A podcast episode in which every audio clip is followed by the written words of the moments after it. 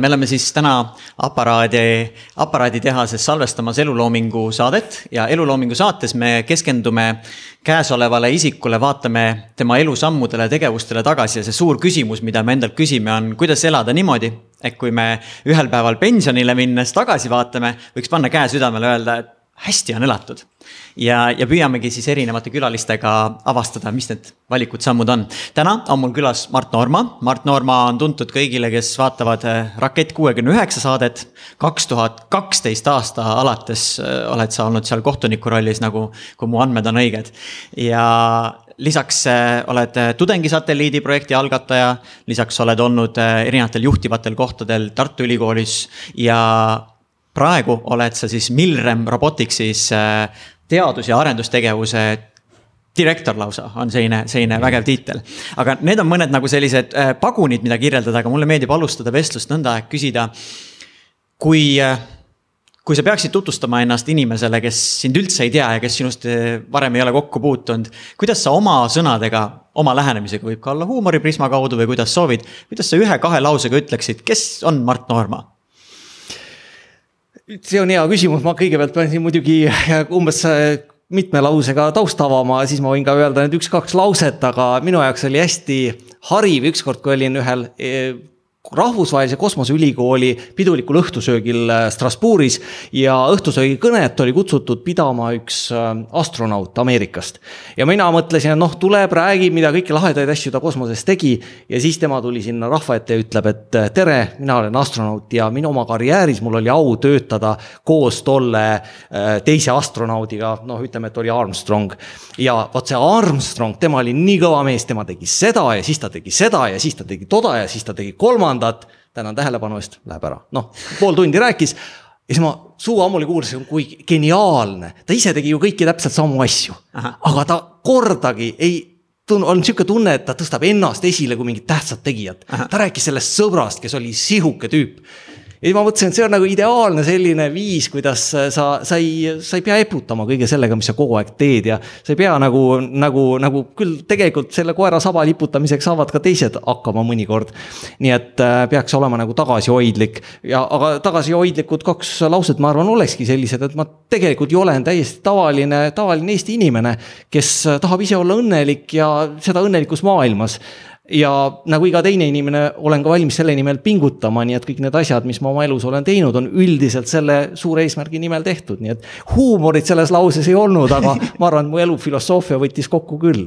ja me jõuame täna rääkida siis isiklikust õnnest ja sellisest nii-öelda globaalsest õnnest eh, või nii-öelda sellest suurest eesmärgist. Ehm, hariduse poolest on sul füüsikataust ja ühel eluhetkel sa valisid, et ma tahan füüsikaga tegeleda. mis suunas sind sinna? See on hästi tore moment, ma mäletan nii täpselt, kuidas äh, kõigepealt mul äh, Tartu kolmandas keskkoolis, nüüdses Raatuse koolis meil nagu füüsikaga väga ei vedanud, sellepärast et äh, meie näiteks oli üks keskkooli esimene aasta vist oli selline, kus, kus ta oli täitsa tavaline, et füüsikaõpetaja oli äh,, tema alkoholiaurude pilv tema ümber tuli enne klassi sisse kui õpetaja. ja loomulikult selliseid õpetajaid nagu kaua ei peetud, nii et seal oli mingi kolm-neli õpetajat ühe õppeaasta jooksul. ja siis tuli meil kümnendast klassist tol ajal, ei, see oli siis jah, gümnaasiumi teises klassis tuli Tanel Mullari, äh, noor mees meile füüsikaõpetajaks ja ta, tal oli nagu nii konkreetne ja selge, selge lähenemisviis füüsika õpetamisele, et me jõudsime sellele tasemele, et me klassivendadega tegime, meie jaoks muutus hobiks olla füüsikatunniks valmis ja me tegime võistlust, et kes suudab kõige rohkem viisi saada veerandi jooksul ma arvan, et ma, siis oli iga tunni alguses meil kohe kambaga käed püsti, me kõik tahtsime vastata oma koduasju. ma, kui õigesti mäletan, siis umbes viisteist äh, viit ma sain äh, siis ühe semestri jooksul või noh, veerandi jooksul kokku koguda, nagu see oli maksimum. rohkem ei olnud tunde ja ei saanud ka mitu viit tunnis tavaliselt kätte, ikka pidi ühega piirduma, aga see oli, füüsika muutus selliseks lõbusaks asjaks ja kuna mu vanemad ka mõlemad äh, on äh, hariduselt matemaatikud, siis, siis see oli võib-olla ikkagi natuke, natuke nagu sihuke pere ja geenid ka, aga lõpuks, kui ma olin siis üheksakümne esimesel aastal keskkooli ära lõpetanud ja, ja siis pidi päriselt nüüd selle otsuse ära ära tegema. siis ma mäletan nii kenasti, kuidas esimene noh, tol ajal üheksakümmend üks, siis oli nagu uued tuuled, see majandus, äri, rikkus ja nii edasi. siis ma mõtlesin, et noh, kas tahaks elus kiirelt rikkaks saada ja selleks tundus hea tee äh, minna majandust õppima ja Aha. paningi paberid majandusse sisse. noh, tol ajal saigi ainult ühte kohta kandideerida ja viimasel päeval ma jõudsin järeldusele, et ei, ma tahaks tegelikult elus teha midagi suurt. ja minu jaoks see suur tähendas midagi leiutada või avastada ja võtsin paberid majandusest välja, panin füüsikasse. ja tõesti, ma ei ole seda otsust elus kunagi kahetsenud majandus olles, mis on samuti ülioluline, ma õppisin seda kõrvalerialana siis mm -hmm. veel lisaks nii et, et see leiutamise ambitsioon, ma tahaksin korraks selle õpetaja juurde minna. Äh, Tanel oli ta nimi, mis Tanel tegi teistmoodi, kui tegid teised head keemia või matemaatikaõpetajad või, või muude ainete õpetajad, et tema sinus nagu seda sütitas, mis, mis ta teistmoodi tegi?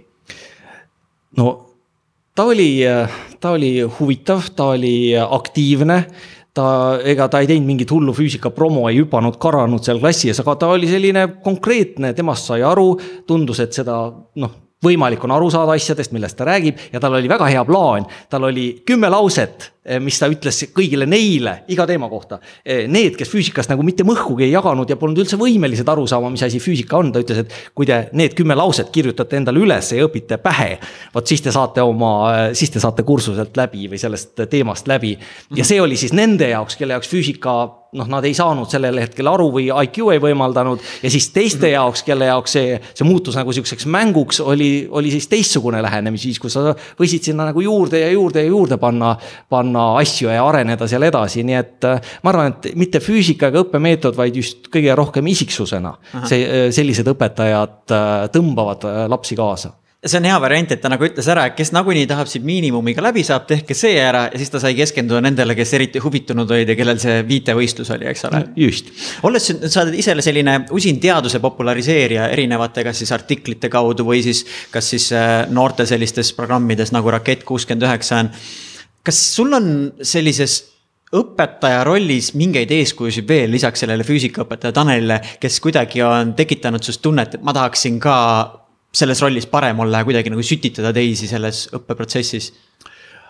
oo oh jaa, ma arvan, et äh, me alati ju jälgime eeskujusid ja kui me oleme sellised äh, inimesed, kelle jaoks eneseareng on tähtis, kes äh, asju, mida nad teevad, püüavad teha järjest paremini, siis loomulikult ju äh, seda me tavaliselt ei saa teha ainult raamatutarkuse baasil, mis on ka oluline, aga väga hea on jälgida, mida teised sinu ümber teevad ja kõigist, kus sa näed, on midagi õppida, see kiiresti juurde haakida. ja noh, õppejõuna ja õpetajana minu jaoks oli jällegi väga selge kogemus elus, kui ma olin just äh, peale kuut aastat äh, välismaal õppimist ja teadustöö tegemist olin kahe tuhande kuuendal tal aastal Eestisse tagasi tulnud ja sain oma mind tervitati tagasi füüsikaosakonda Tartu Ülikoolis, sest mul olid seal vanad kolleegid ja õppe, õppejõud ees, kes minusse uskusid ja andsid mulle esimese kursuse õpetamiseks mida, mis oli siis reede hommikuti kell kaheksast, kaheksast kümneni ja kust tudengid olid natuke sihukese ära kurnatud ja ära piinatud näoga. Ja, ja selle kursuse äh, sügissemestri alguses, esimestel, võib-olla septembris-oktoobris ma avastasin, et oli sihuke kuulutus, et äh, tulge õppejõu äh, see on Tartu Ülikooli õppe, õppimine, õpetamine kõrgkoolis baaskoolitus, mida siis Mari Karm ja Marvi Remmik koos, koos ühe Oslo professoriga läbi viisid ja noh, mõtlesin, et ega see midagi halba ei tee, et kui ma juba õpetan, no siis võiks natuke õppida ka, mida õpetamine tähendab. käisin seal kursusel ära ja see oli no nii maailma muutev küsimus.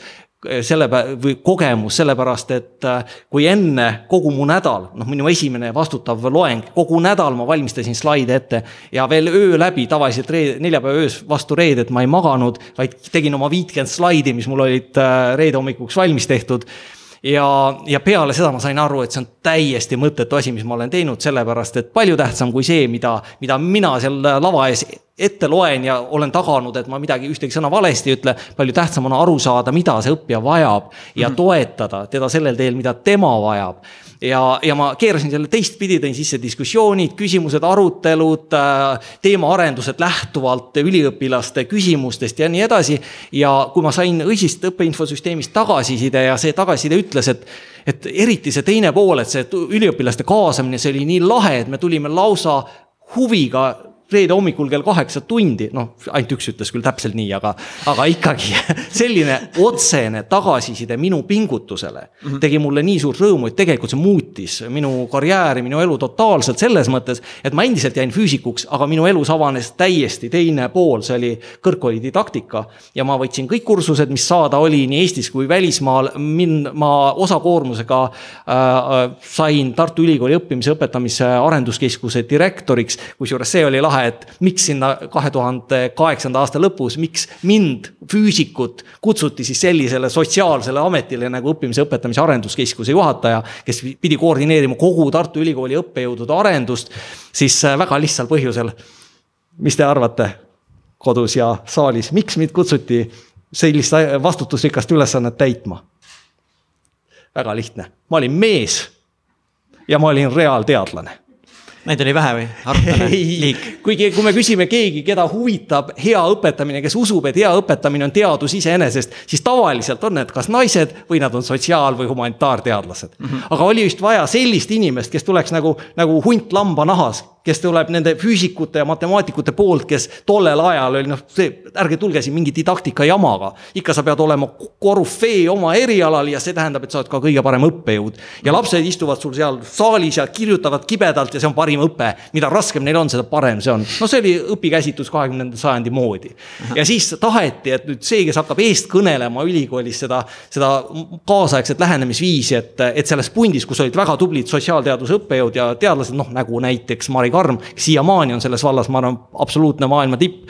siis äh, taheti, et selles pundis oleks ka üks meesterahvas ja ta oleks äh, mingi reaalvaldkonna äh, teadlane, mina tehnikadoktorina sobisin sellesse rolli suurepäraselt. nii et ei olnud ainult selles, et ma uskusin ise sellesse väga, aga, aga väike sihuke positiivne diskrimineerimise element tuli ka mängu.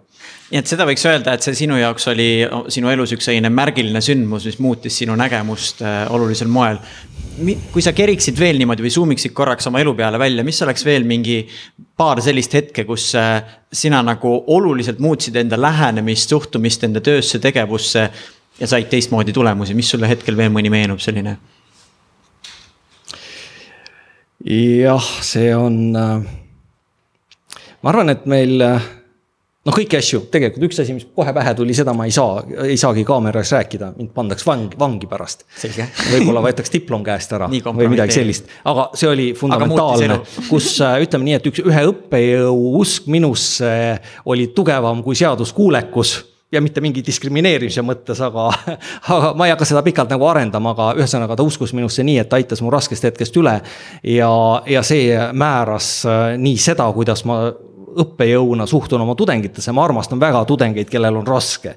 ja ma tunnen, et äh, mul on nagu suhteliselt igav tegeleda nende geeniustega, sest nemad saavad isegi hakkama, aga mulle meeldib, kui ma näen, ma tunnen mõnes üliõpilases ära sellise, sellise, kes on, kes tunneb, et ta on laisk ja ta nagu õieti ei ole motiveeritud ja ta ei tea, mis ta elust tahab.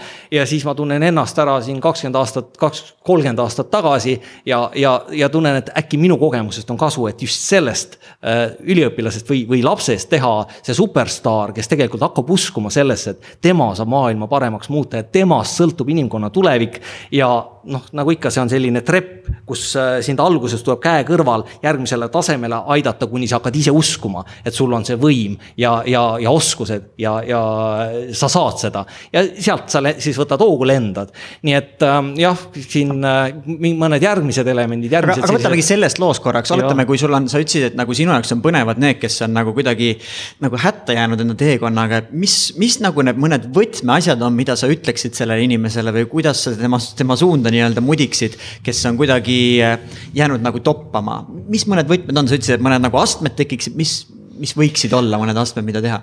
no ega siin ju mingisugust imet ei ole, see on äh, põhimõtteliselt noh, kõik teavad, see on väga lihtne, äh, kuidas inimes, inimesi motiveerida, kuidas inspireerida ja nii edasi ja kuidas tekitada inimesel noh kuidas aidata kaasa saavutamisele. ja ega ma olen lihtsalt enda jaoks selle asja kuidagi niimoodi läbi mõelnud, et kõigepealt on tähtis, et sa mõtestaksid ära oma elu sa mõtestaksid ära selle meetodi ja põhimõtte, kuidas sa oma elu mõtestad. ja ütleksid Aha. endale selgelt, et sa ei saagi seda, see on kogu aeg muutumas, kuna sa kogu aeg õpid elu paremini tundma, ennast paremini tundma. see muutub kogu aeg, lõplikult valmis võib-olla kunagi ei saa. ja teine asi, et kui sa oled noor või, või või vana, aga sa pole selle asja peale varem mõelnud, ega sa kohe ka ei leia vastuseid. see on selline elukestva õppeprotsess, kus sa järjest paremini, kui sa püüdled selle poole, siis sa järjest paremini sõnastad ära enda jaoks, mis on sinu elu eesmärgid, elu mõte, mis on inimkonna elu mõte ja nii edasi ühesõnaga, see on nagu see otsinguprotsess. see, ja see on eesmärgistamine. see on nagu samm üks, leia elu mõte. see on ja samm üks, leia, mitte ei leia, vaid otsi. otsi, otsi, kas see on mõte. leia, loo või otsi, mis see on? Äh, see on kombinatsioon neist kõigest, sellepärast et, et leia, mitte keegi ei äh,, ei anna seda sulle niimoodi, et sa leiad mingi lille, nagu lillekese kuskilt. sa pead otsima, siis sa leiad elemente, mis sinu jaoks lõppu, lõpuks annavad võimaluse süsteemselt oma tervik kokku pakkida ja siis tuleb looming, mis tähendab seda, et sa võtadki need teistega koostöös leitud, teiste kogemusest õpitud, raamatutest loetud, ise avastatud tükid ja need põimida enda jaoks siis selleks enda elu mõtteks, sest tegelikult me oleme ju kõik, me oleme jumalad oma universumis, sest isegi teadlased ju ei tea, kus universumi kese on. aga elumõtteteoorias universumi kese on kindlasti igalühel enda sees, sest igalühel on oma universum, sest igaüks tajub universumit äh, oma vaatenurgast läbi oma sensoorika, mis igalühel on erinev. järelikult mm. olles ise jumal oma universumis, kui sa enda, seda universumit ei suuda enda jaoks ära mõtestada, no mis jumal sa siis oled, siis on see, seda, seda võiks pigem kaoseks nimetada, aga tuleme tagasi sinu algse küsimuse juurde, see oli nüüd see mõtestamine, aga sealt edasi on siis saavutamine. ja nüüd ongi nii, et paljud noored võivad ju mõelda, ma ise mäletan täpselt samamoodi, et sa võid ju mõelda suurtest asjadest, ma tahan astronaudi, minu ajal veel kosmonaudiks saada aga kui sa tead, et sul on koolis palju kolmesid, vahest saad mõne kahe ka ja sa üldse oled natuke laisapoolne ja tegelikult noh, ei ole nagu see, keda sulle telekast näidatakse, kes on need superstaarid, kes saavutavad kogu aeg. sellepärast, et nad juba esimeses klassis olid, ei, nad olid juba kuueaastaselt olid äh, balletitantsimise tipud ja seitsmeaastaselt äh, mängisid, äh, mängisid malet suurmeistri tasemel, vot need on need, kes saavad kosmonaudiks. aga tegelikult päriselus ei, on hoopis niimoodi, et kõigil on võimalus, kõik saavad areneda ja sel momendil, kui sa hakkad uskuma sellesse, et tegelikult sina oled ka, saad olla üks neist, see on nüüd see teine pool. Eesmärgid on olemas, siis sul on usk sellesse, et sa võid neid eesmärke saavutada, eesmärgid lähevad sellega kohe pauguga palju suuremaks mm. -hmm. sest sa hakkad uskuma, et, et sinu käeulatuses on midagi veel palju suuremat ja. kas selleks ja... uskumiseks on vaja ikkagi mingit välist inimest, mingit välist sündmust, mis justkui tõendab sulle, et see oleks võimalik, sest usk mõnes mõttes on, sa tahad näha asitõendeid et ma olen võimekas, sa pead saama nagu mingi kinnituse. noh, et, et võtta nagu teaduslikust lähenemisest, sa pead tegema piisavalt palju eksperimente, mis kinnitavad seda. aga Täpselt. kui su senine eksperimentide kogum elus näitab, et see ei ole nii, mis see võti võiks olla, kuidas see, see veendunud usk tekib niimoodi ka ratsionaalselt mõtlevasse inimesse? aga see ongi jah, see on seesama trepimudel, et sinu elu on nagu, nagu trepp ja sa äh, astud kogu aeg järgmise sammu, iga järgmine samm on mingi asi, mis sa oled elus saavutanud mm. -hmm. ükskõik, kui sa oled äh, väike laps, siis sa, sul on mingi raske kontrolltöö matemaatikas, sa vihkad matemaatikat, sest sa ei ole õppinud seda veel armastama, aga siis sa suudad ennast kokku võtta, võib-olla vanemad sind äh, ei andnud kommi või midagi, enne kui sa oled ära teinud selle kontrolltöö. igal juhul võtsid kokku, said viie ja kui sa selle viiega lähed, siis äh, nagu näed, et sa said viie, siis peale seda punkt üks sa oled nagu järgmised kümme sekundit nirvaanas. ja siis me teame, mis tunne on nirvaanas nirvaanas olla, sul on nagu see meeletu nauding sellest, et sa saavutasid. ja kui nüüd lähed koju ja siis, siis äh, keegi lastevanematest siis äh, vaatab, mis viis, kelle see asi on, näe, nõud on pesemata, tol-, tolm on toast imemata. siis sa tunned, et no äkki see siis, ma mõtlesin valesti, äkki see ei olnud nii suur saavutus mm., et tegelikult on tähtsam, et nõud oleks pestud ja. ja, ja põrandalt oleks tolm imetud, kui oli minu kord tolmu imeda. ja vot sellise lähenemisviisiga on väga lihtne inspiratsiooni tappa see on siis täpselt vastand sellele, et nagu. sa, sa ei suut-, sa olid valmis astuma sinna järgmisele äh, trepiastmele, aga sind tõugati alla mm. -hmm. see, kes seal ees oli, näiteks antud loos sinu vanemad, tõukasid su hooga sealt ülevalt tagasi mm. väga hästi saavad sellega ka õpetajad hakkama ja üldse igasugused sõbrad saavad sellega hästi hakkama nii et ühesõnaga nagu ilmselgelt sa pead hoidma nende inimeste poolde, kes pigem on valmis sind tunnustama ja toetama. selle asemel, et arvata, et kõige parem asi sinu toetamiseks on anda nuuti ja kritiseerida kritiseerida, eriseda. nii et äh, jah, inimesed, kes toetavad sind moraalselt, annavad sulle positiivset tagasisidet, äh, elavad kaasa sinu saavutustele, need on need inimesed, kes aitavad enamustel inimestel kõige efektiivsemalt enesekindluse trepist üles ronida ja, ja sellega koos, nagu enne arutasime, ka see usk järjest suureneb, ehk siis see trepi ots järjest tõuseb ka kõrgemale, kuhu me ronime. mis sina muidu ise selleks teed, et enda jaoks äh, mm, positiivset kogemust nagu võimendada või et see toetaks sinu eneseusu äh, tugevnemist. kas sa ise teadlikult teed midagi, et noh, mingitest väikestest võitudest veel hoogu juurde saada ja iseseisvalt seda eneseusku võimendada? ma arvan, et äh, mul on juba, ma ei pea enam väga muretsema väikeste võitude pea pärast mm. -hmm. mul on elus neid suuri võite juba nii palju, et mm. -hmm et oh, nagu Harald, sinuga oleme, kus me oleme Jõhvi kontserdisaali laval rääkinud elufilosoofiast ja Nordea kontserdisaali, mis iganes ta nüüd on, jah ja., seal laval ja me oleme nagu, nagu suuri asju teinud ja. ja noh, minu eluetapis, aga ma olen ka nelikümmend seitse aastat vana juba. mul, ma, mul on nagu nii palju, see portfoolio on nii suur. et sa ei pea neid väikseid rõõmustusi enam? ei, ma, ma hindan neid väga nagu noh, näiteks see, see on ju tegelikult suur asi siin täna rääkida nagu elufilosoofiast ja see, et sinusugune tüüp, kes on nagu superstaar täiesti kahtlemata Eesti tipp oma valdkonnas, kutsud mind rääkima sellel teemal, loomulikult sina aitasid mu nüüd järgmise taseme peale kuskil, seda enam, et noh, trepp läheb järjest laiemaks nagu eri valdkondades. et see, see on loomulikult tähtis suured asjad on tähtsad, aga, aga mis on, käib sellega ka kaasas, on nüüd see, et kui sul on kogemus ja sa oled juba noh, teatud astmed ära käinud, siis muutub järjest raskemaks sind sealt alla lükata. selles Aha. mõttes, et see, see kui sa sealt esimestelt sammudelt, iga tüüp sinu eh, pahas tujus klassivend võib su lükata sealt alla, öelda, et mis asja sa poed siin õpetajatele, eh, õige mees kunagi ei õpi kontrolltööks. Eh, siis, kui sa oled juba seal kuskil üleval otsas. sa laod nagu vundamenti. ja, ja siis sa, siis sa oled juba nii osav alpinist, et, et sa hoiad nagu küünte hammastega kinni neist astmetest ja sa lähed sealt niimoodi üles, et, et sa nagu enam ei ole, sa suudad ise motiveerida ennast sealt astmetest minna teatud piirini tegelikult ühiskonna toetus toetus on alati tähtis. tekkis selline nagu analoogia, et kui sa alustad, siis sul on selline puulippidest kokku löödud trepp nagu. ja siis, kui sa oled nagu aastatega selle vundamendi paika löönud, siis sul on selline betoontrepp, mida on raske nagu muudel asjadel ümber lükata. et kui sa sealt alla veered, siis sa ronid nagu üles-tagasi. aga selle alguse puulipi variandiga on see, et kui miski kahurikuul seda tabab, siis on kõik nagu ribadeks no,. no tekkis sihuke analoogia lihtsalt. aga see nagu..., mis sa praegu teed, ongi, äh, ongi nüüd meetod, mida mm. kõik võiksid äh, katsetada oma elus. sest äh, kui me rääkisime sellest, et igaüks on Jumal oma universumis, mille keskpunkt on tema sees ja mis väljub temast ainult ühel juhul. sa ju tead, mis juht see on, noh, see juht on siis, kui sa oled äh, silmini armunud, siis see universumid, kahe inimese universumid põhimõtteliselt nagu liituvad ja keskkoht, sa tunned kohe, et see keskkoht on teie kahe vahel. seal, et see on teie ühine universum, ühine mull, milles te sees olete. ja seda, selle tunnetamine on nagu üks kõige õnnelikumaid perioode elus, kui, kui inimene suudab suudab ära tajuda, et see on niimoodi juhtunud. et selle võiks... universumite jagamine, aga, aga noh, see selleks. ei, ei, kohe saad, aga ma tahtsin enne sinu äh, selle puitlipi trepi kohta öelda seda, et äh, meetod nüüd elu mõtestada on tegelikult mudelite ehitamine. ja see on asi, mida ma füüsikuna kõige paremini, füüsikast olen oma elu filosoofiasse kaasa võtnud. füüsika, kui ma küsin, et mis asi, mis asjad on, äh, mis asjad on äh, füüsikas seadused siis kas, kas füüsikaseadused on, on äh, tegelikult looduse käitumine? siis õige vastus on ju, et tegelikult ei ole üks-ühele, nad on looduse käitumise kirjeldused, mis on kui matemaatika püüdleb nüüd absoluutse täpsuse poole, siis füüsika ütleb, et kui see meie, meile on piisavalt täpselt kirjeldab looduse käitumist see füüsikaseadus, siis see on piisav. selle alusel elame edasi. Newtoni seadused võimaldasid meil elada rahulikult äh, üle kolmesaja aasta, enne kui tulid relatiivsus äh,, relatiivsusteooria ja mis ütles, et Newtoni seadused on ainult, noh, osa neist on ainult teatud väike pilt aga seal on veel palju laiem maailm ümberringi, aga see ei takistanud meil neid efektiivselt pidada nagu kogu maailma aluseks. nii et kogu aeg saab minna täpsemaks.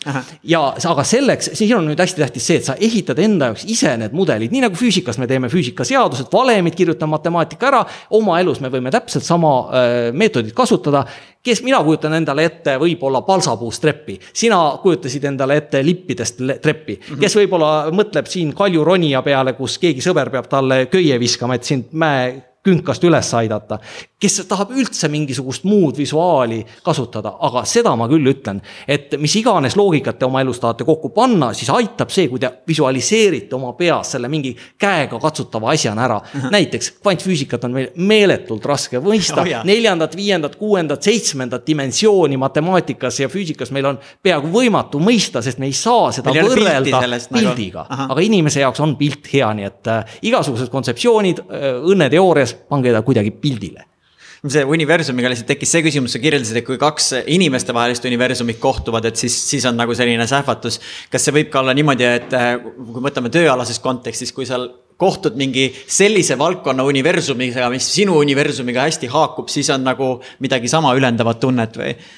kui me räägime sellisest nagu tööinnust või, või millestki nagu, nagu vaimustumisest. tead, äh, Harald kui sa nüüd seda ütlesid, siis äh, ma pean, hakkan tõsiselt muretsema sinu pärast. No.. kui sa arvad, et tööalases suhtes saad sa sama nagu. nirvana kätte nagu äh, armumise hetkel, siis kas äh, on sinul probleeme armu vallas või sa oled töö osas nagu, nagu liiga töö, tööhoolik, nii et. aga see on nali muidugi, eks ole.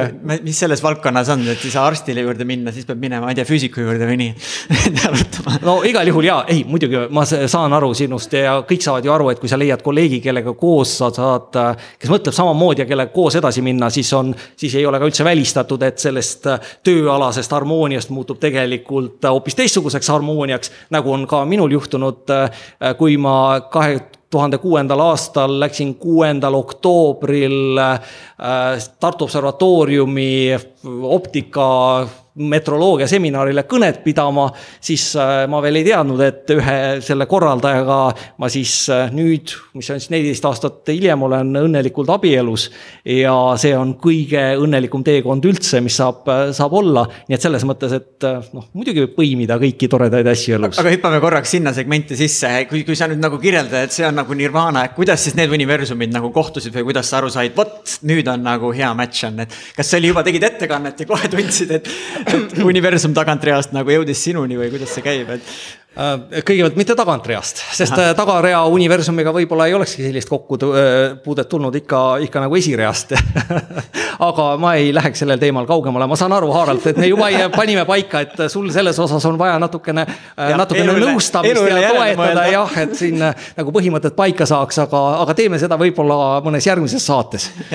aga see on hästi hea analoogia, mida siit kaasa võtta, et lihtsalt mõelda enda tegevustes või inimestevahelises kohtumistes, et analoogiana, kui kaks universumit universumid kohtuvad, et see on selline vahva suunane mõte ähm, mul on kaks suunda veel, kuhu ma tahaks liikuda, ma mõtlen, kust nagu kõigepealt, äh, ma võtan korraks selle universumi teema, kuna, kuna sa oled nagu seda käsitlenud ja see, nagu see mõte on kõlama jäänud, et me igaüks nagu loome enda nagu mudeli universumist ja siis seni, kuni me usume, et see mudel ongi hea, üllas ja õige, see annab meile selle usu ja jõu, et liikuda. ehk siis äh, noh, oletame näiteks, et kui, kui sul on nagu võtame tudengisatelliidi projekti, et see oli mingid aastad, kus sa nagu noh, pidid endas nagu kütma täiesti veendumus üles, et meil on vaja saata see satelliit sinna orbiidile ja, ja ehitada endas see veendumus ülesse. et kas see on nagu selline asi, millega endast tuleb teadlikult tööd teha, et seda universumit niimoodi enda jaoks paika luua. või, või sünnib universum ise ja sa tunned, et ma pean nagu täiega sellele pühenduma. et mida ma siin praegu mõtlen, on ma mõtlen, et kui me vaimustume mingist valdkonnast, meil tekib nagu selle ümber mingi omaette universum. ja, ja see tundub meile nagu kõige tähtsam missioon justkui. nüüd on küsimus, kas see tuleb ise või me ehitame selle, et endas tekitada usku, et asjaga lõpuni välja minna no kõigepealt ma panin tähele, et sinu mudelis sõna universum tähendab midagi muud kui minu mudelis okay.. sest minu mudelis universum tähendab ikkagi päris universumit, päris äh, maailmaruumi, päris tähti, päris inimesi sinu ümber. aga miks ma panen sinna ette sõna minu, on sellepärast, et ma ei saa ju teada, mis on reaalsus, vaid ma saan ainult näha läbi oma sensorsüsteemi seda universumi. mis mm -hmm. tähendab, et tegelikult iga inimene tajub seda natuke erinevalt. ja, aga universum ise on ikkagi üks aga see selleks, mis mm -hmm. ei mhm. sega sinule ehitada üles äh, oma teooriaid ja oma ja. mudeleid, sest ala, keegi ei saa öelda, et see on vale, sest iga inimene teeb, teeb enda jaoks ise sellise, mis töötab. aga selle küsimusega, et kuidas me siis nagu selliseid suuri asju saame teha, siis ega see on täpselt nagu see motivatsiooniteooria siit algusest, et äh, loomulikult, kui äh, minu kolleeg Silver Lätt tuli minu tuppa ja ütles, et töö juures ja ütles, et me peame selle tudengisatelliidi ära ehitama, sest nii moodi me saame kõige paremini toetada Eesti liitumist Euroopa Kosmoseagentuuri ja anda siis Tartu Ülikooli poolt panuse. et, et see protsess tooks Eestile võimalikult palju kasu, siis äh, sellest hetkest ja vaadata, mis, mis oli nagu tagasiside sellele esimestele mõtetele, see oli, see oli valdavalt tümitav, me isegi äh, analüüsisime ühe tudengi töös, analüüsisime ähm, interneti kommentaariumi siis kahe tuhande üheksandal aastal vist. lugesime läbi kõik kommentaarid Delfist ja Postimehest ja mujalt, analüüsisime ära, mida eh, kommentaariumis arvatakse Eesti äh, tudengisatelliidist ja üldse Eesti kosmosepüüdlustest. Läksime selle analüüsiga siis rahvusvahelisele äh, kosmosekonverentsile ja tegime seal isegi ettekande sellel teemal. kas see kannatas seal nagu esitlemist või? kannatas küll selles mõttes, aga no välja tuli ikka see, et noh, umbes kakskümmend viis protsenti oli positiivset. aga palju, see oli enam-vähem teada, aga mis siis ülejäänu seitsekümmend viis protsenti oli ja, ja sealt tuli välja, et sellest umbes sellest ülejäänud seitsmekümne viiest protsendist siis ka umbes üks veerand oli selline kahtlev negatiivne, aga mõistlikel põhjustel. ja ülejäänust äh, siis sellest ähm, poolest nüüd kogu äh, tagasisidest, siis sellest poolest oli, pool oli siis äh, lahmivalt negatiivne ja siis see viimane veerand sõimas võrdselt Savisaart ja Ansipit millel ei olnud midagi väga selle satelliidiga pistmist. Nemad olid võimupositsioonidel sel ajal ja siis ah, okay. lihtsalt oli ükskõik kus, aga peaasi, et saaks Savisaart ja Ansipit äh, nagu tümitada. okei okay,, aga kui me võtaks näiteks need kolm kategooriat, sul on mingi asi, mis annab sulle hoogu juurde, mingi asi, mis annab konstruktiivset kriitikat ja mingi asi, mis räägib hoopis aiaaugust. Eh, kuidas sina nagu suhtuksid sellesse tagasisidesse, kui sul on mingi oluline projekt käsil, et kas sa nagu selle kolmanda asja lülitaksid täiesti välja ja, ja vaataksid seda konstruktiivset kriitikat või, või kuidas sa läheneksid peale, peale seda kogemust, tähendab peale seda analüüsi, olles nüüd ära analüüsinud ja mõistnud äh, kommentaariumi olemuse. Äh, ma ei ole mitte ühegi artikli, mitte ühtegi kommentaari oma elus, ei enda artikli ega Aha. kellegi teise artikli kommentaare lugenud. teadlikult, isegi kui sa näed seal, et on nagu kommentaarid, siis sa. ja, ja teadlikult ma ei loe neid, sest ma ma tean, mida sealt on oodata. ja ma ei tee oma elu ise raskeks, ma ei pea seda tümitamist, miks ma peaks nagu laskma ma parem nagu suhtlen normaalsete inimestega mm. -hmm. aga need normaalsed inimesed kommentaariumis ehk siis see umbes kakskümmend viis protsenti, need on kuskil seal vahel peidus ja neid selle sopa seest üles otsida noh, ei ole nagu, ei ole nagu äh, väga selline tulutoov. ma leian nad mujalt parem, lihtsamalt üle, üles. võtame korraks veel selle tudengisatelliidi projekti, see on selles mõttes hästi huvitav äh, asi, et kuidas vaata, üks võti on, kuidas sa nagu innustad sellise pikaajalise eesmärgiga tudengeid tegutsema ja noh, praegune äh, sotsiaalmeediamaailm võimaldab seda, et sa teed midagi ära ja sa saad kohe vahetu tagasiside. nüüd kosmosesse millegi saatmine tähendab seda, et sa töötad aastaid, sa saadad ta sinna üles ja siis selgub, ai, see asi jäi tegemata või midagi sellist.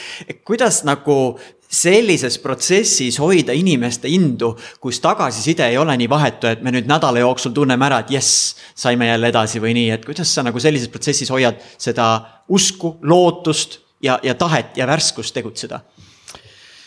Ja see, ma ise nimetan seda motivatsioonikõhe, motivatsioonikõnede põhiseks juhtimismeetodiks okay., mis ma enda jaoks olen jällegi. kui tihti, kui tihti peab pidama motivatsioonikõnet sellisele tiimile siis? iga kord, kui sa inimest näed äh, indiviidi tasemel, aga noh, ega siis ei ole see nagu, räägime nüüd põhialustest, vaid see on siis paar head sõna õiges suunas. ja see on ka noh, ega see olukord ei ole siin ainult tudengsatelliidi spetsiifiline, see on ju mhm. alati nii, et kui meil on pikk projekt, siis me ei saa keskenduda projekti lõpptulemile, mhm. vaid me peame ta, mitte ainult, vaid me peame jagama ta hoomatavateks, mõõdetavateks vahehetkedeks mm -hmm. ja mhm. nende poole suunduma ja iga selle saavutamine, see annab meile ka tagasi, positiivse tagasiside saavutatuse üle. see on nagu kogu kogu elus, kõigis protsessides samamoodi. aga samal ajal, kui sa püüad äh, hoida meeskonda koos äh, midagi tõeliselt keerulist teha, tegemas äh, viis aastat ja selle eest sul, neil ei ole ka palka üldse maksta, nad teevad seda kõike entusiasmist, siis ainuke põhjus, miks nad seda teevad, on see, et see eesmärk peab olema tõeliselt ülev mm. -hmm Eesti esimese satelliidi pardal katsetada tehnoloogiat, mis võimaldab enneolematult kiireid planeetide vahelisi lende. no kas sellele on midagi vastu panna? see mhm. kindlasti, noh, peaaegu, vähiravi, mis ravib ära miljard vähihaiget, mhm. võiks olla teine sama kategooria, aga, aga see ka ei kõnetaks noort inseneri või reaalvaldkonna suuna inimest samal moel keegi pole varem ehitanud sellist satelliiti, mitte ainult Eestis, Eestis üldse ei ole tehtud, aga maailmas ei ole midagi sellist varem tehtud mm. -hmm. ja kui sa siis puhud sellise mulli kõigepealt suureks juhendajana, inimesed hakkavad uskuma, tulevad kokku, vaatavad, kõik on hästi pragmaatiliselt. kogu aeg sa, kogu aeg sa rõhutad, et see on niimoodi ja siis mingil hetkel hakkab, tulevad muidugi need tagasilöögid ka. Äh, aga siis mingil hetkel järsku tuleb mingisugune suured maailma juhtivad äh, Physics.org või, või äh, selle kategooria noh, mingid ajakirjad, sa oled järsku mingi Technican ja Taluse esikaane pilt ja sa oled Postimehe esikaanel, ma mõtlen, see, see projekt, see satelliit ja sa järsku hakkab tulema nagu nii võimastest kanalitest tagasiside. maailm mm -hmm. räägib sellest, mida Eesti tudengid teevad ja siis läheb nagu juhendajana asi juba väga lihtsaks, sellepärast et nad võivad ju ise ka guugeldada ja otsida. sa kõnnid selle Postimehe esikaanega ringi, juba räbaldunud on ja niimoodi ja näitad. ei, ei, ei, ei, ei räbaldu, kiiresti tuleb järgmine tuleb nii, järgmine tuleb nii kiiresti peale, et eelmist ei jõua korra viskad pilgu peale, siis on juba järgmine laual. et kui nagu Nature's on äh, sellest juttu ja siis on Scientific Americanis ja siis on äh, New Scientistis ja igalt poolt tuleb nagu kõik nad korjavad selle teema ülesse mm. -hmm. see on nüüd see, kus sa oled nagu pannud genereerima asi, asi läheb käima ja sa ise võid nagu mingis mõttes natuke tagasi tõmmata ennast, sest sa ei räägi üks-ühele, et kuule, tudeng, kas sa usud sellesse, et see on suur asi või, või kolleeg, kas sa usud sellesse, vaid noh aga loeme koos seda, seda Nature artiklit, mis räägib sellest, kui tublid mehed me oleme. et sa saad nagu välise kinnituse, Mart, aga mida teha siis, kui seda väliskinnitust ei tule? aga sellisel juhul on, kas sa ise oled ebapädev äh, tööriistade kasutamises, sa mm -hmm. oled küll võib-olla väga kõva sisutegija, aga sa ei tea, kuidas kasutada maailma äh, oma eesmärkide toetamiseks. kas sa ei tea seda või teine, sinu idee tegelikult on ainult sinu peas ja tegelikult ta ei olegi maailma kõnetav, ta tegelikult ei olegi oluline, sest see ei kõneta mitte kedagi teist teist peale sinu enda. ja mhm. sellisel juhul, kui sa nüüd, nüüd tõmbad väed endaga kaasa, siis sa tegelikult neile pigem valetad, sellepärast et äh, see võib olla nagu tupiktee nende arengus. aga mis on muidu kommunikatsiooni nagu selline võtmeelemendid, et enda ideest rääkida maailmale niimoodi, et maailm tunneks, et oo see on meie idee või see on nagu meie mingi ühisasi, et me tahame, me tahame, et sa õnnestuksid selles. mis on mõned nagu eeldused selles kommunikatsioonis? no kõiki ja see kaasamine on hästi-hästi oluline asi. kõigepealt see, mida meie teeme, peaks olema asi, mis muudab maailma paremaks selle inimese jaoks, kes selle kohta loeb või kuulab või, või näeb. kui ta saab aru, kui ta saab lihtsalt aru, et ahah, nad teevad minu jaoks seda, see mhm. teeb minu elu paremaks, õnnelikumaks. see on nagu üks lihtne selline see element. kasu nagu seal mõnes mõttes. nojah, isiklik, isiklik või lõpu, lõppkokkuvõttes see on ühiskondlik kasu Aha. ja lihtsalt selle, selle kasu on nagu paljud indiviidid tunnetavad seda kasu oma isikliku lihtsas elus mm. -hmm. üks põhjus näiteks äh, seesama küsimus, äh, mul olid umbes viis märksõna, mida ma teadsin kogu tudengisatelliidi programmis, mis märksõnad ma panen ükskõik millisesse intervjuusse sisse, ükskõik mis teemal minu käest küsitakse ja mida ma tegin päris tihti, no mingi hetk hakati mind kutsuma telekasse, raadiosse, kui näiteks Ameerika ameeriklased lasid mingi kosmoselaeva üle, ülesse. noh, kes Eestis kosmosest võib rääkida, Mart võib rääkida, tule räägi, kommenteeri seda Space, SpaceX-i kosmoselaeva starti. ja kui mina läksin siis SpaceX-i kosmoselaeva starti äh, kommenteerima, siis ma ma ei oleks mingil juhul läinud sinna, kui ma ei oleks seal kohapeal öelnud niimoodi, et jaa, tore, kosmoselaev lendab ja see on noh, umbes sama võimas asi, et oma väikses nišiskaalas ka Eesti tudengid ehitavad satelliiti, mis toob kaasa ja nüüd tulevad märksõnad muidugi mitte ühes lauses, aga vaikselt äh. sisse. Äh, kõigi Eesti elanike elu läheb paremaks, äh, pensionitõus on lõpuks selle kaudu, kui meie majandus areneb Aha. ja kui me inspireerime noori ja, ja me saame tegelikult panna Eesti nagu sisuliselt maailmakaardile, kus me, kus meie elu läheb paremaks selle kaudu, et kuskil mingid noored nukitsevad sellise maailma muutva idee kallal. ehk siis inimest kõnetavad ekspordi kasv, majandus parem, uhkus oma riigi ja rahva üle, tublid noored, kes kuskil teevad mõistavad maailma ja teevad kõigi jaoks toredaid asju. Need märksõnad tulid sisse ka siis, kui ma rääkisin tegelikult Ameerika, kui mind kutsuti rääkima ka Ameerika raketistardist. ja vot see, see komplekt, see on jälle osa kommunikatsioonistrateegiast, sul on põhisõnumid ja iga kord, kui sulle mikker ette pistetakse, no praegu ka räägin juba neist asjadest. juba tuled, et selle, seda võiks mõelda niimoodi, et inimestel on mingid emotsionaalsed nupud, mis nendel käivitavad, et jah, see on minu jaoks oluline. ja kui sa neid piisavalt erinevaid sihtgruppe tunned, et noh, mõnes mõttes see on natuke nagu poliitika juba, et noh, kõigile nagu mingi lubadus noh, nagu poliitikud annavad kõigile lubaduse. siin on põhimõtteline vahe, põhimõtteline vahe. mina saan endale lubada olla aus selles mõttes, et ma saan ainult, ma panen ainult neid asju, millesse ma usun, et see päriselt niimoodi mõjutab mm. -hmm. see vastasel juhul see oleks ebaeetiline, aga keskmine poliitik ei saa endale seda lubada, sellepärast et tema peab selle tagasiside baasil olema valitud. ja siis ta peab seal sooja koha peal edasi istuma veel aastakümneid ja, ja see tähendab, et ta, tema sõnum muutub õigest ja objektiivsest sõnumist tegelikult enda müügisõnumiks, mille eesmärk ei ole enam, see põhialus ei ole objektiivne kasu ühiskonnale, vaid enda tagasivalimine võtame. no see on populism on selle nimi, suuname sinna kasuühiskonna elemendile, aga lähme ühe sellise vaheküsimusega, sinu taustalt sa oled äh, palju ka mõõtmisvaldkonnas teinud oma, oma tegevust, Metrosertis oled isegi mingi perioodi töötanud, eks ole, ja. ja mõõtmine on füüsikas sinu jaoks olnud selline üks, üks mingil perioodil selline juhtiv teema. Aga võtame seda füüsikast nüüd elumaailma ja küsime, mille järgi sina mõõdad, kas elu on hästi? mis on mõned asjad, mida sina nagu kas maksimeerid või optimeerid enda elus? ja siis me sealt liigume nii-öelda universaalse maailma eesmärgini ka veel järgmiste küsimustega mm. -hmm. no tegelikult, kui ma oma õpetasin tudengitele kvaliteedijuhtimist üle kümne aasta Tartu Ülikoolis, just äh, see kursus algas nagu labori kvaliteedist.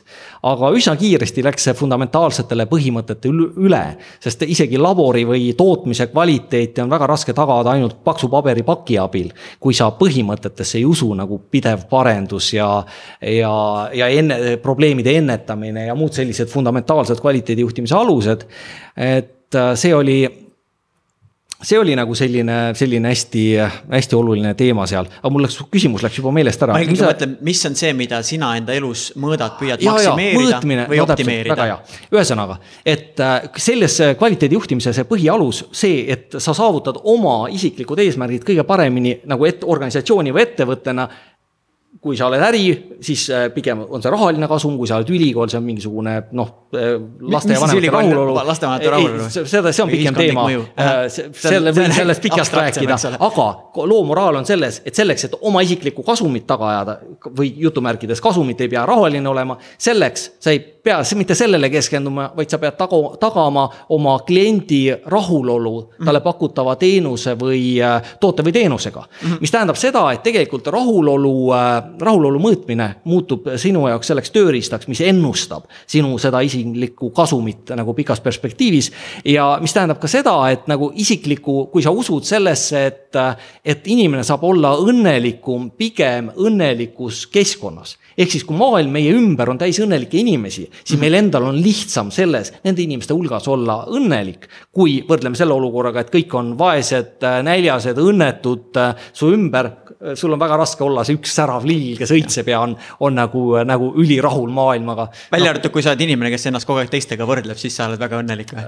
no ma ei tunne ühtegi sellist inimest, ma ei tea kedagi, kes saaks noh, isiklikult ei tunne kedagi sellist. ja mina tunnen ainult selliseid inimesi, kes, kelle puhul ma usun, et nad pigem äh, oleksid äh, õnnelikud selles positiivsete, rõõmsate inimeste hulgas mm. -hmm. ja, ja siis äh, noh siis saabki lihtsalt mõõta, et vaatad, kuidas inimestel läheb su ümber, kus sa tunned, et sa oled jälle aidanud kellelgi, aidanud töökaaslasel mingit probleemi lahendada või. või teinud, teinud mingi toreda loengu, kus tudengid läksid sihukese näoga välja, et nad said midagi kasulikku enda jaoks. ja see kõik annab sulle pidevalt seda tagasisidet, et sinu, sinu õnne Äh, alused on endiselt hästi paigas, sa oled teinud asju, mis aitab, inimestel äh, nagu sinu ümber õnnelikumad olla ja järelikult see annab tugeva äh, ekstrapolatsiooni võimaluse. tõenäoliselt olen ka homme õnnelik mm. -hmm. nii et, et selline läbi kui sa näed, et su tegevus on positiivne ühiskondlik mõju, siis sa saad kinnituse, lased endale dopamiini laengu, et jess, nüüd on nagu hästi, ma olen nagu reel aga nüüd, kui, kui nagu küsida mingite asjade nagu ühiskondlikku positiivset mõju, siis mille järgi nagu, mulle ikkagi tundub nagu, et, et meil ei ole nagu mingit sellist nagu täielikku absoluuttõde, et teeme kõik seda ja siis me teame, et noh, õnn on nagu õuel, no aga kui, kui nagu minna ainult nagu või võib-olla see, mida ma küsida tahaks, mis sulle tundub, mis on universaalne nagu ühiskondlik õnn, mis see on? mille järgi me võime öelda, et nüüd ühiskond on õnnelik ega siin ka mingisugust keerukust ei ole. See on, see on ka lihtne. Ja mina võtaks äh, ikkagi sellise mm, noh, kõigepealt ei ole nagu seda lihtsat lahendust, et ütleme, et värvime kõik majad roheliseks ja siis ongi kõik inimesed õnnelikud. ei, nii lihtne see asi ei ole. Äh, ühiskondlik õnn tuleb ikkagi äh, ühiskonnaliikmete õnnesummana. Ja ühiskonnaliikmete puhul on ju väga lihtne tööriist on seitsekümmend aastat vana Maslow inimvajaduste püramiid, mis tegelikult ju hästi lihtsustatult ütleb ära, mida inimesel on vaja selleks, et elus tunda ennast õnnelikuna või olla rahul eluga. ja need on siis viis taset, kõigepealt mm turvalisuse tase, siis ei, kõigepealt füsioloogiline tase, siis turvalisuse tase, siis kuuluvuse tase. ja siis äh, tagasi, positiivne tagasiside ja siis eneseteostus mm. ja kui äh, kõik inimesed selles ühiskonnas tunnevad, et nende jaoks on kõik need tasemed kaetud kaetud, siis äh, suure tõenäosusega äh, on kogu see ühiskond seal ümber õnnelik, õnnelik või rahul, no see kuidas kunagi, aga põhimõtteliselt, kui nüüd inimestel juba paljudel inimestel näiteks on eneseteostuse augus probleem tuletan meelde nõukaaega, kui ainuke eneseteostus oli sul tegelikult noh, peaaegu ainuke, kui sa olid ühiskondlikult aktiivne, oli minna parteisse mm -hmm. ja aga mingeid teisi valikuid, et sa teed nagu äh, mingisuguse oma, oma mingisuguse alternatiivse seltsi või midagi sellist, no seda ei olnud, see oli kõik maha surutud. ühiskond sul täpselt määras, kuidas sa tohid ennast teostada. kas sa oled geniaalne matemaatik, aga ja ühtegi sotsiaalteaduslikku asja ei puuduta, siis oli, oli lubatud sul eneseteostust teha või tubli kolhoosnik olla, lubati eneseteostust teha, aga nii niipea, kui sa tahtsid kommenteerida mingit ühiskondlikku küsimust, siis see oli kohe keelatud ja tabu. Need inimesed, kes tundsid vajadust seda teha, nende jaoks oli ilmselgelt selles ühiskonnas midagi puudu, mis ei lasknud neil olla õnnelik. Ehk siis dissidendid, teisitimõtlejad. ja, ja kui me siis nüüd vaatame, kas turvalisus hästi lihtne, niipea kui meilt sõda tuleb, sõda käib piiri all, Venemaa ründab Ukrainat ja meie tunnetame, et me võime olla siin mingi, mingisugune järgmine võimalik konfliktikoht, kus Putin tahab jälle natukene urgitseda NATO kallal, siis, siis see tekitab meis ühiskonnana sellise väga, mitte ühiskonnana, vaid just väga paljudes indiviidides teatud ebaturvalisuse komp-, komponendi, mis siis ühiskonna tasemel summeerubki sellega, et me, me kritiseerime, me oleme pahurad, me ei ole rahul valitsuse tööga ja nii edasi ja nii edasi. ehk siis see ühiskond on nii abstraktne asi, et tegelikult peaks vaatama, kuidas see nagu e-, erinevaid inimesi mõjutab üks või teine olukord ja selle kaudu me saame siis tagasi ühiskonna tasemele tõusta. aga ma tahaks sinuga vesteldes veel rohkem välja zoom ida, et, et nagu vaata, üks asi on, mis nagu ühiskond, inimkond tahab, aga see on nagu üks selline vahva nagu äh, ütlus, et kui äh,, kui äh, kui kõik äh, taimed või, või kui mesilased ära kaoksid, siis äh, kogu nagu loodus äh, kärbub, aga kui inimesed ära kaoksid, siis loodus kõik õitseks ja selle mõttega nagu, et kui korraks välja zoom ida, et üks asi on, mis on ühiskondlik kasu, aga kui vaadata korraks, aga mida universum tahab? nüüd see on nüüd natuke keeruline küsimus, aga mis sulle tundub, mis, millal universum arvab, et kõik on hästi? nagu kui selle planeedi analoogiaga tuua, et inimeste heaolu ei pruugi tähendada planeet Maa heaolu. et no jaa, aga võtan siis korra sammu tagasi, et eh, planeet Maa heaolu. Eh, ilmselgelt me näeme, et kui me maksimeerime inimeste heaolu eh, ülejäänu planeedi arvelt, siis see ei ole jätkusuutlik, sest kui mesilased surevad ära, siis surevad ka inimesed ära ja, ja nii edasi, ehk siis praegu me saame inimeste õnne ehita üles teiste arvelt meie heaolu ülesehitamisele keskenduda, me saime seda kuni umbes eelmise sajandini, aga nüüd me seda enam ei saa teha, sest me oleme juba nii ääre peal. loodusressursid lõppemas, putukad välja suremas, kliima muutumas, ehk siis nüüd järgmised sada, kakssada, kolmsada, mis iganes aastad, nüüd edasi, inimkond saab oma äh, heaolu maksimeerida ainult koos teiste liikidega. me oleme piisavalt targad tänaseks nagu teaduslikus mõttes me saame aru, et meie elu jätkusuutlikkus on seotud teiste eluvormide jätkusuutlikkusega ja ressursside mõistliku tarbimisega ja me noh, näiteks see, see on juba kõige kõrgemal poliitilisel tasemel, ka Euroopa Liit ju paneb hästi suured investeeringud sellesse rohekokkuleppe tegevustesse. me isegi taotleme mitut projekti robootika vallas selleks, kuidas äh, paremini keskkonnasäästlikku tööstust edendada. noh, sellised teemad on läbivad, kõik neid mõistavad, kui mõni ei mõista, siis ta, siis väga kahju on neist inimestest. Nad ei aita inimkonna eesmärkidele kaasa ja kindlasti nad ei aita Eesti eesmärkidele kaasa. Õnneks neid ei ole palju, aga loo moraal on selles, et ka planeedi peal me kindlasti, meie järgmine samm on, on harmooni, harmooniline koostöö ülejäänu keskkonnaga, ehk siis me tegelikult läheme selle kaia suunas. ja mitte seda sellepärast, et me usume sellesse, et me oleme kõik üks elus organism, vaid sellepärast, et see on ainuke viis meie probleeme pikaajaliselt ära lahendada. see on ainuke viis, kui me vaatame olema harmoonias nende mesimummudega, kes meie ümber lendavad ja me ei saa enam lubada iga mesilase mahalöömist, kes, kes meid häirib natukene. sest me teame, et suures pildis tegelikult me kõik sõltume neist. see on nagu siis maakera tase ja kui inimkond jõuaks nüüd sellele tasemele, ma ei tea, saja, kahesaja või tuhande aasta pärast, võib-olla vahepeal oleme veel, sureme peaaegu välja ja siis tõuseme uuesti tuhast, ma ei tea, võib ka seda juhtuda, see on üsna tõenäoline isegi, aga pikaajaline jätkusuutlik elu on ikkagi see Gaia meetod. ja sealt edasi järgmine samm, kui me räägime nüüd universumist, siis üks väga tore, tore küsimus on, et millal inimene üldse tohiks lennata ära teistele planeetidele ja teistele planeetide peal proovida mingit asundust üles seada. siis äh, ma arvan, et see oli Ingrid Peegi Hallo kosmose ühel salvestusel, avalikul salvestusel, kus üks äh, kena, kena inimene rahva hulgast küsiski mu käest täpselt sama küsimuse ja siis ma pidin enda jaoks sellele ära vastama, et miks, mis moraalne õigus meil üldse kosmosetehnoloogiat arendada on mm. -hmm. äkki keerame teised planeetid ka tuksi ja, ja siis äh, ma jõudsin enda jaoks selle järelduseni, et enne kui me oleme maa peal nagu eh, selle harmoonia saavutanud, meil ei ole moraalset õigust. isegi kui meil tehnoloogia võimaldaks, siis nii-öelda koloniseerida või, või vallutada või asustada nagu ülejäänud universumit. mis iseenesest noh, päiksesüsteemist välja me ei pruugi mitte kunagi jõuda, kui äh, realiseerub, kui ei, kui me ei leia nagu mingit võimalust valguse kiiruse ületamiseks, ma füüsikuna ütlen, õnneks ka teadus ei suuda veel täna väita, et see on võimatu Äh, mingid hüperruumid, ussiaugud, sellised teemad. me ei saa öelda, et see on võimatu, kuigi lootust väga palju ei ole, aga eks tulevased teadlased äh, lük-, tõestavad või lükkavad ümber. aga igal juhul, kui meil see võimalus avaneb, siis moraalselt me ei tohiks minna enne, kui meil on maa peal see tasakaal saavutatud sa mainisid alguses füüsika suunana sulle tundus nagu köitev, et kas ühel päeval midagi vinget leiutada või nii. Äh, ma küsiks praegu nõnda, et selle kontekstis, mis me praegu oleme rääkinud, kas sul on ka selline veel nagu mõni eluunistus, et mingi asi, mida sa tahaksid leiutada, luua?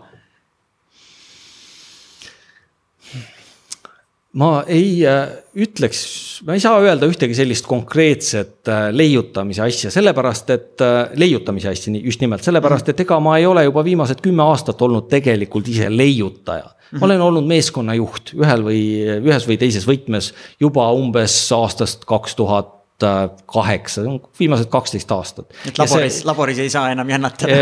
no ei ole lihtsalt aega, ega juht, kui juht kuidas siis öeldakse, et kuidas me teame, et äh, lahing läheb halvasti, seal on, see on üks tore selline äh,, tore, toredad sellised võt- äh,, nagu märksõnad, sõjaväelised. kaitseliitlasena noh, tajud hästi olukorda, üks oli vist see, et kui, kui äh,, kui suurtüki äh,, kui sa lähed, näed nagu suurtüki äh, sihikust, näed äh, vastase jalaväge kui sa peaks laskma teda kolmekümne kilomeetri kauguselt, aga Aha. kui sa teda nüüd otse näed seal enda juures, siis on nagu midagi halvasti läinud. või kui staabiohvitser peab haarama automaadi järele -hmm. ehk siis ta ei saa enam mõelda, vaid ta peab ise sekkuma, sest vastane on sattunud kuskile tema lähedale. et sellised näited, siuksed natuke humoorikad, mis tegelikult ütlevad, et äh, millal nagu asi läheb halvasti ja samamoodi, ega juht ei saa, juht äh, loomulikult tal peab olema sisukogemus oma elust, see on väga hea, kui ta karjääris on töötanud ennast üles äh, rohujuure tasandil, ta teab, mida tähendab olla lihtne tööline või selles organisatsioonis.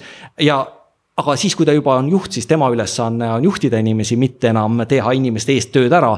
ja, ja sealt, seal on nagu see noh, selline, selline komponent aga Nüüd... sellist väikest lapsepõlve unistust veel ei ole niimoodi, et. et no, sa mõtled ikkagi nagu, et minu, olen nagu kaugenenud sellest, aga ikkagi sügaval sisimas tahaks, aga. no järel, järeldus sellest arutelust on nüüd see, et äh, mina ei igatse ise enam midagi leiutada, aga ma igatsen koos oma organisatsioonidega töötada suurte eesmärkide nimel ja üks minu, minu nagu läbiv suur äh, mõte on see, et äh, me saaksime Eestis mõnda tehnoloogiasektorit arendada harmoonilises koostöös teadus, ettevõtlus ja, ja riik, riigiasutused, avalik sektor sellisel moel, et see aitaks Eestil tõusta välja sellest keskpärase sissetuleku lõksust ja olla üks oma valdkonnas innovatsioonimootoriks inimkonna arengus.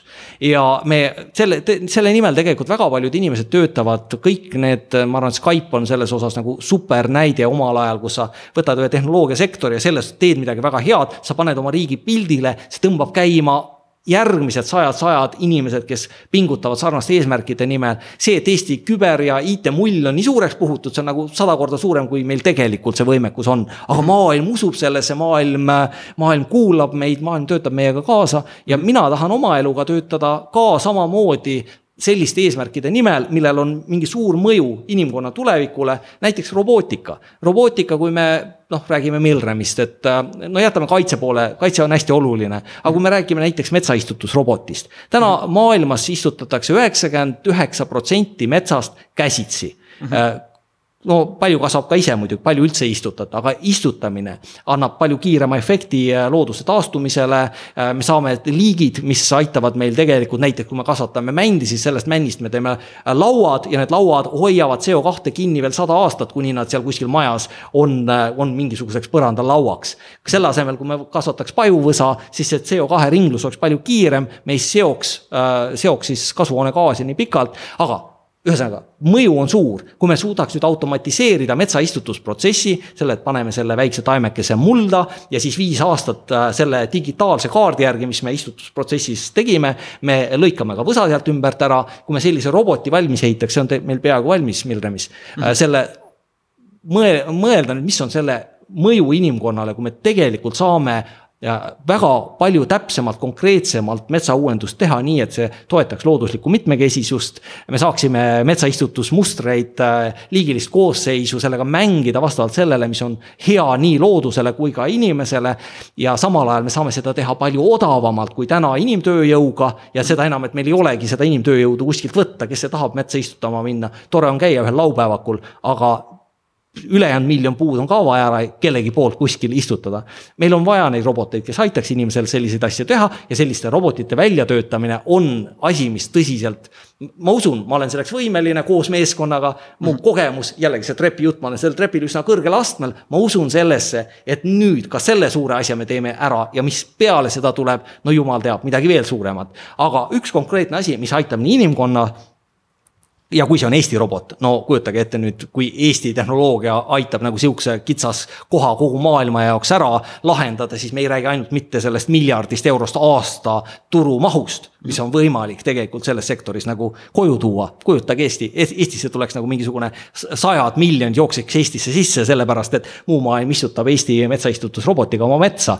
no vot, see, need on meetodid, mis aitavad Eestit tõsta keskpärase sissetuleku lõksust välja lisaks kogu sellele positiivsele efektile, mida me nagu mida me saa-, saame läbi selle tehnoloogia, nii et vot sellised eesmärgid liigutavad mind. väga lahe, igatahes on näha, et see hoiab sul hoogu sees ja ilmselt võimaldab sul juhil, juhina nagu sütitada äh, kõiki enda tiimis, ka neid, kes on tarkvaraarendajad ja kes iga päev jändavad selle asjaga, kuidas seda autonoomselt töötavat masinat tarkvaraliselt käima panna. no loomulikult, aga see ongi kinni. teine pool, see tegelikult, see ongi see, kui sa paned kõik need asjad enda jaoks ühtseks tervikuks, sest no ma praegu mõtlen näiteks oma noorema kolleegi äh, Priit Vellaku peale, kes on ise metsamees, haridus hariduse poolest ja ka bioloogide suguvõsast ja, ja ta on, ta on nii särav arendaja, kelle, kelle originaalne idee tegelikult see metsaistutuse kontseptsioon ongi, mida me nüüd kogu kollektiiviga Milremis edasi arendame. mina tunnen naudingut juhina seda protsessi toetades ja tema selle idee autorina ja tulihingelise eestvõitlejana.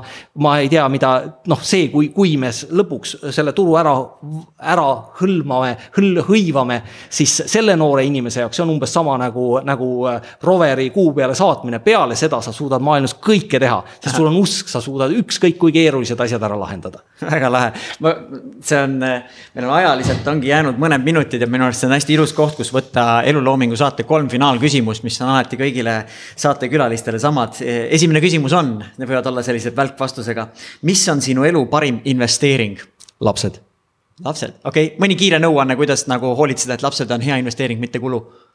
Nad on alati kulu ja kui te aga, aga nad on ka peaaegu üheksakümmend üheksa protsenti ka hea investeering. pikas perspektiivis. pikas perspektiivis, nagu... no sõltub, tuleb, tegelikult ei ole mõtet mingit kauget tulevikku oodata ja kasvatada, investeerida lastesse, et ta maksaks su hooldekodu äh, kulu kinni, no see ei ole nagu jätkusuutlik. iga protsessis tuleb nautida igat hetke, ehk siis äh, sa pead oma aega investeerima, ennekõike see on su oma aja, aja investeering sellesse, et sa oled lastega koos, tegeled nendega ja, ja tunned, et kui sa ja kui sa oled pensionil ja mõtled, et kes toitis seda last, kui ta oli kaheaastane ja öösel tahtis süüa, siis sa mõtled isana, et ikka tavaliselt olin see mina, kes üles tuli ja lutipudeli ära soojendas nii et hoiab niimoodi käigus. aga ikkagi. aga tähendab... mu, eh, mu laste ema muidugi mäletab asju teistmoodi. ja igalühel versioon. ka ei ole, ei salvestanud neid olukordi tookord. mälestustega on üldse huvitav asi, et me saame neid ümber programmeerida. Eh, teine suur küsimus mille poolest sa tahaksid inimestele meelde jääda, kas siis isikuna või oma mingi saavutuse poolest? et kui me naljaga ütlesime, et, et, et võiks mingi hetk nagu pensionile jääda, et mis siis võiks sealt niimoodi kestma jääda? no ma arvan, et kui, kitsendaks seda inimestele, oma üliõpilastele ja kui ma näen, kohtun kuskil kümme, kakskümmend aastat peale ülikooli oma mõnda endist tudengit, kes ütleb mulle, et. et see asi, mida sa mulle õpetasid seal oma kursuses, see oli minu jaoks, see aitas mind elus palju või natukenegi, siis see on absoluutselt parim tagasiside, mis sa võid saada, ehk siis kui sa tunned, saad päriselt tagasisidet selle kohta, et, et sellest, mis sa oled teinud, on kasu. see on üks parim asi, mis saab olla nii et äh, selline tagasiside on alati väga teretulnud, kõik mu endised tudengid. olen vihje, saanud vihje. paar korda, aga noh, tulete linnas vastu, siis äh, palun äh, ärge jätke oma häid mõtteid enda teada. tahate motivatsiooni boost'i anda Mardile, siis see on hea moodus. ja finaalküsimus millise sõnumi kirjutaksid suurelt seinale, kus paljud inimesed seda tihti näevad. ja ma korraks niimoodi nagu kelmikal mõtlesin, sinu puhul võiks äkki küsimus olla, et millise sõnumi sa kirjutaksid taevalaotusesse. aga samas võib-olla ikkagi seina peal kõik nii kõrgele üles ei vaata, et võib-olla seina peal on ikkagi parem nagu. mis sõnumi sa sinna jätaksid? no tegelikult, Harald, ma olen ennetanud sinu küsimust, sest äh, ma olen selle juba seinale kirjutanud, täpsemalt oma Facebooki seinale, seal on nüüd mingi lause enda kohta, võid sa sinna panna ja see lause seal on. Äh, lõpuks läheb kõik hästi ja kui ei ole veel hästi, siis järelikult pole veel lõpp. India vanasõna ja see on tõde, sest ma kuulsin sellest Hollywoodi filmist Parim hotell terves Indias. seal oli, mäletad, seal noore hotelliomaniku elufilosoofia oli see ja ma mõtlen, see on nii tõsi, sest see moment, kui me kas-, ka kui meil kaob usk sellesse, et me suudame, siis kaob ka kohe tegutsemis äh, inspiratsioon, motivatsioon, kõik kukub. me enam ei suuda, kui me enam ei usu, järelikult me peame uskuma, et lõpuks läheb kõik hästi. ja kui ei ole veel hästi, siis järelikult pole veel lõpp ja sellise mõttega praegu selle vestluse kokku võtamegi, nii et, et endasse usk elus hoida ja ma arvan, see on see põhine eeldus, et suuri asju ära teha, sest suure asja tegemiseks on vaja pikalt seda usku hoida. ja Mart, vahva on see, et sa, sa oled astunud sinna juhi rolli, kus sa oled sütitanud nii tudengeid kui siis ka Milremis praegu enda nagu tehnilist tiimi. et liikuda selles suunas, kus luua mingit laadi tehnoloogiat, mis äh, võiks äh, olla võib-olla hüppelauaks veel järgmistele tehnoloogiatele või luua seda maailma rohkem selliseks, mis võiks pärast vaadata, panna käe südamele, öelda, et sai nagu panustada. ma arvan, see on päris hea asi, millele pensionieast nagu tagasi vaadata. nii et aitäh, et sa oled sellel teekonnal ja, ja küta veel edasi, kuni jaksad. aitäh, Harald, ja eks sina oled ka üks minu õpetajate hulgast, aitäh. igati rõõm. suured tänud